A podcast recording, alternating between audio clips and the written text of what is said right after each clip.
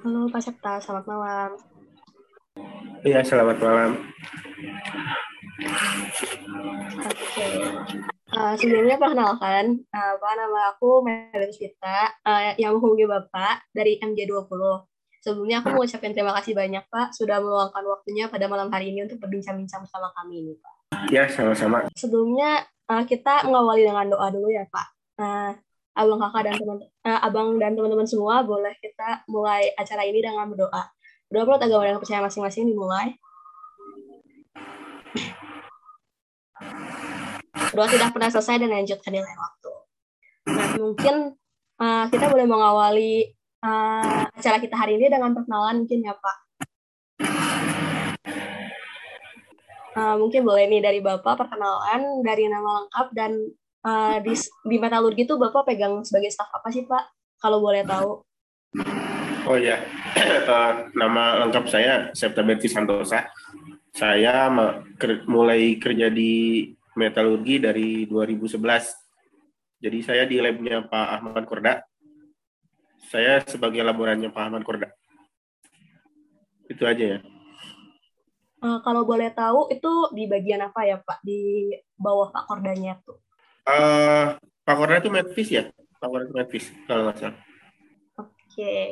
Uh, gimana sih Pak ceritanya sampai Bapak memutuskan untuk uh, memegang laboratorium metalurgi fisik nih Pak? Kalau boleh tahu. Uh, ya ada lowongan pekerjaan saja sih di sini. Jadi kebetulan yang adanya di labnya Pak Korda. Oke, berarti sebenarnya Bapak uh, dari lulusan teknik metalurgi juga ya Pak? Uh, bukan, bukan. Saya dari luar. Saya dulu alumni Polman, Politeknik Manufaktur. Hmm. Jadi sebetulnya saya lebih lebih concern ke mekanik, ke teknik mesin sebetulnya, bukan ke teknik metalurgi. Oke, kalau boleh tahu saya mau tanya nih Pak, kenapa Bapak memilih untuk bekerja di lab metalurgi fisik nih? uh, sebetulnya saya tidak memilih, cuman memang ada lowongan pekerjaan di sini uh, di metalurgi yang saat itu sedang butuhnya Pak Korda. Ya, saya masuk ke sini aja. Oke uh, Pak, mau tanya dong, uh, kesan-pesan Bapak nih selama bekerja di laboratorium metalurgi fisik, Pak. Apa ya? ya sangat sangat menyenangkan ya, apalagi dengan Pak Korda uh, banyak banyak ngasih ilmu baru buat saya. Saya kan basicnya bukan di metalurgi, dari teknik mesin. Jadi banyak sekali hal-hal baru, terutama di transfer ilmu sama Pak Korda. Sebelumnya saya nggak ngerti sama sekali metalurgi itu apa, tapi uh, lambat laun paham nih atas bimbingan Pak Korda. Uh, aku pernah jadi mungkin satu lagi ya Pak. Uh, ada nggak sih yang benar-benar dirindukan gitu kan selama ini online nih? Ada nggak sih yang benar-benar dirindukan dari offline itu? uh, dari selama perkuliahan offline gitu Pak?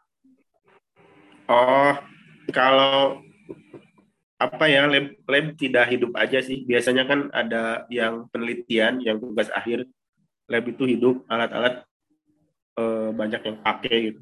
Kalau sekarang kan tidak ada orang di lab, jadi uh, sepi aja. Oke, mungkin saya mau bertanya Pak, uh, saat ini Bapak uh, tinggal di mana dan juga keluarga uh, bagaimana? Saya tinggal di daerah Cipamokelan di di uh, dekat rumah sakit Al Islam sekitaran situ. Oh. Keluarga uh, punya anak dua. Oh gitu pak. Baik pak. Uh, berarti sebelum menjadi staff di lab pengembangan paduan ini berarti sudah menikah ya pak dan udah mempunyai anak atau mempunyai anaknya setelah baru setelah jadi staff lab? Setelah saya, iya, setelah saya jadi staff di sini, saya baru menikah. Um, ada nggak sih Pak kenangan yang yang bikin Bapak ini uh, bersama mahasiswa dulu yang sering praktek di laboratorium, kenangan manis ataupun buruk yang pernah terjadi gitu? Uh, apa ya banyak sih terutama TA kalau kalau TA mahasiswa yang dulu kan sekitar 2011 2012 13 kan uh, umurnya nggak nggak beda jauh kan sama saya kalau yang dulu. Jadi tiap ada yang TA atau penelitian ya seperti teman aja sih. Jadi tidak tidak seperti staff dengan dengan mahasiswa. Ya tapi seperti teman aja sih. Oh gitu ya kalau yang sekarang mungkin lebih kerasa kayak ada itu apa perbedaan usia seperti itu. Iya sih sekarang kan usianya juga uh, terpaut jauh. Terus mungkin mahasiswa yang sekarang juga lebih apa ya nggak tahu mahasiswa yang jaga jaraknya atau saya yang jaga jaraknya nggak tahu lah. Tapi kerasanya sih beda yang dulu sama yang sekarang. Tapi yang mungkin itu sih dan perbedaan usia juga sih. Kalau dulu deket usia sama yang apa yang mahasiswa itu oh ya berarti uh, mau bertanya pak untuk lab sendiri sampai saat ini dari awal covid juga masih tutup atau masih tetap beroperasi gitu? Uh, kalau lab lab pasti buka sih. Kalau misalkan saya sih sering sering bukan sering datang sih. Dalam seminggu itu pasti datang ke lab karena ada beberapa pekerjaan dari Pak Korda juga. Tapi kalau mahasiswa saat ini nggak boleh kan ya? Kalau nggak salah nggak boleh masuk kecuali yang TA tapi kan yang TA juga bulan-bulan memang bulan-bulan sekarang tuh memang uh, jarang yang masuk buat penelitian sih infonya besok ada ini ya ada tour lab ya kalau nggak salah oh iya pak iya. Uh, Oke, okay. uh, eh, berarti untuk selama pandemi tetap ada pekerjaan dari Pak Kordia, Pak. Jadi tetap harus ke lab untuk melakukan pekerjaan itu. Ya, tetap ada. Oh, uh, waktu awal-awal COVID pernah off nggak Pak? Gitu? Kalau awal COVID kan satu ITB kan emang di lockdown, kita nggak oh. ada yang Terus bulan Juni kemarin ketika kasus tinggi, uh, dibatas juga kita nggak boleh masuk juga. Oh gitu. Oh. Berarti ketika naik-naiknya kemarin uh, selama uh, off itu kesibukan Bapak apa aja Pak kira-kira? Karena kebetulan lagi naik saya juga uh, terinfeksi COVID juga ya isolasi juga. Tapi udah sembuh ya Pak? Cepat waktu itu? Uh, udah sih. Oke, uh, saya izin bertanya Pak kalau dari pengalaman Bapak sendiri, uh, ada nggak sih Pak uh, pengalaman yang membuat Bapak kayak kurang berkenan gitu Pak terhadap mahasiswa yang lagi praktikum di lab gitu Pak? Uh, sebetulnya apa ya, yang nggak berkenan tuh kadang-kadang ada mahasiswa yang pakai fasilitas lab tapi tidak izin, tidak tidak permisi, kayak gitu sih. Banyak sih yang kayak gitu. Padahal kalau misalkan izin pasti dikasih, cuman ada aja yang uh, tahu-tahu pakai, tahu-tahu pakai. Uh, ya itu kurang apa ya, kurang kurang bagus juga sih. Karena kan uh, ya attitude-nya nggak bagus lah kalau kayak gitu. Banyak yang kayak gitu. nggak uh, tahu kenapa nggak nggak mau ngomong dulu gitu. Apakah si orang labnya ataukah saya terlihat menyeramkan atau gimana saya nggak paham tapi ya ke teman-teman yang lain juga kasih tahu aja kalau mau pakai lab ngomong aja sebetulnya tidak ada tidak akan dilarang. Nah kebanyakan tuh seperti yang enggan untuk uh, apa per, untuk minta izin gitu padahal padahal pasti dikasih. Karena kan uh, pekerjaan saya di sini kan untuk melayani mahasiswa kan. Dan kalau misalkan tidak dikasih kan berarti saya tidak melayani mahasiswa. Dan kalau misalkan mahasiswa tidak izin itu kan khawatirnya ada ada kerusakan alat dan sebagainya kan pasti itu di luar tanggung jawab mahasiswa itu sih kebanyakan banyak yang tidak tidak tidak izin untuk pakai alat Baik, Pak. Untuk sistem kerjanya bagaimana Pak? Apakah harus tatap muka langsung ke Bapak atau boleh lewat uh, media sosial kayak WA gitu atau bagaimana Pak? Oh, kalau kalau itu ada ada ada apa ya? Ada SOP-nya untuk pinjam alat. Biasanya ada surat yang harus ditandatangan sama Pak Korda. Setelah itu kasih lihat ke saya, ya udah tinggal pakai alat. Simpel kok. Kalau misalkan tidak memungkinkan ke Pak Korda, tinggal ngomong ke saya, itu urgent, pasti dikasih izin juga sih.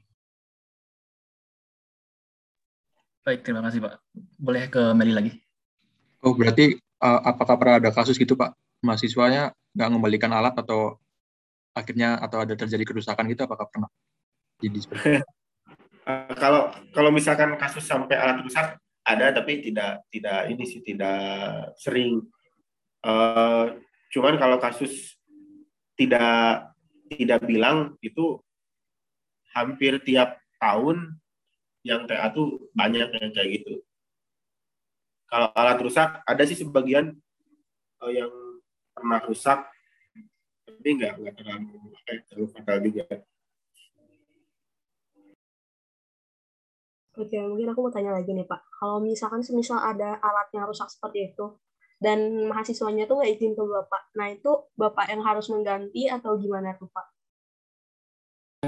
intinya sih kalau ada ada fasilitas yang rusak itu tidak akan dibebankan ke mahasiswa ataupun ke pegawai ataupun ke staff gitu itu uh, tetap bebannya ITB cuman kan uh, tugas saya meminimalisir uh, kerusakan yang terjadi kan hanya itu saja saya hanya bikin report aja nanti yang perbaikan tetap dari ITB Oke, baik. Terima kasih, terima kasih atas jawabannya, Pak. Nah, mungkin dari Zahra ada yang mau tanyain nggak? Uh, saya mau nanya di Pak. Perkenalkan, saya Zahra Faiha. Uh, saya mau nanya, kan tadi Bapak sempat mau uh, bilang kalau uh, kuliahnya di Polman, kan Pak? Itu berarti Bapak dari kecil tuh emang udah di Bandung, atau uh, maksudnya asli Bandung gitu, atau gimana, Pak? Saya asli Bandung. Saya asli Bandung, Mbak. Oh, berarti dari kayak dari SD, SMP, SMA tuh di Bandung ya, Pak? Iya, di Bandung. Uh, di Kabupaten Bandung. Kalau orang Bandung bilang Bandung coretnya.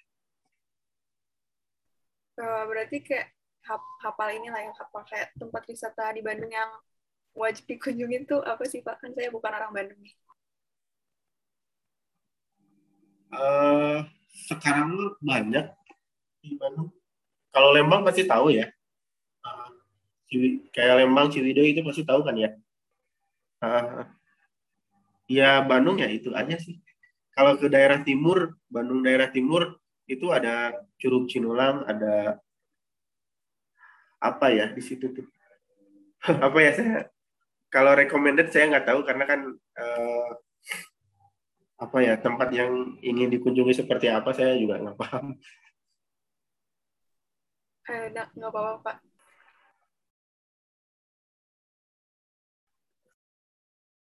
Oke, mungkin karena udah belum ada banyak lagi, saya mau nanya nih Pak, uh, ada nggak sih Pak kesan-pesan buat mahasiswa? Uh, terutama sebentar lagi kan juga ada isu-isu mau offline. Uh, mungkin jaga jaga prokes aja ya kuliah itu aja sih karena kemarin juga ketika tinggi tingginya covid kan di daerah saya memang uh, tidak tidak tidak apa ya, tidak tidak menjaga prokes jadi mereka mengabaikan kesehatan itu aja sih kalau kalau apa ya kalau kuliah saya yakin mahasiswa ITB itu pintar-pintar semua. Oke, mungkin kalau udah nggak ada yang ditanya lagi, mungkin sekian kali ya Pak untuk uh, bincang-bincang uh, santai kita hari ini. Uh, terima kasih ya Pak, sekali lagi telah meluangkan waktunya untuk bincang-bincang bersama kami dan sharing-sharing pengalamannya uh, selama jadi staff di lab metalurgi. Mungkin karena kita mengawali acara kita dengan doa, kita akhiri dengan doa lagi ya Pak. Uh, berdoa menurut agama yang percaya masing-masing dipersilakan. Berdoa tidak pernah selesai dan lanjutkan di lain waktu. Terima kasih banyak ya Pak. Mungkin kalau misalkan Bapak ada kesibukan lainnya, boleh dilanjutkan aktivitasnya Pak. Terima kasih banyak. Ya, sama-sama. Terima kasih Pak. Terima kasih Pak. Terima kasih banyak Pak.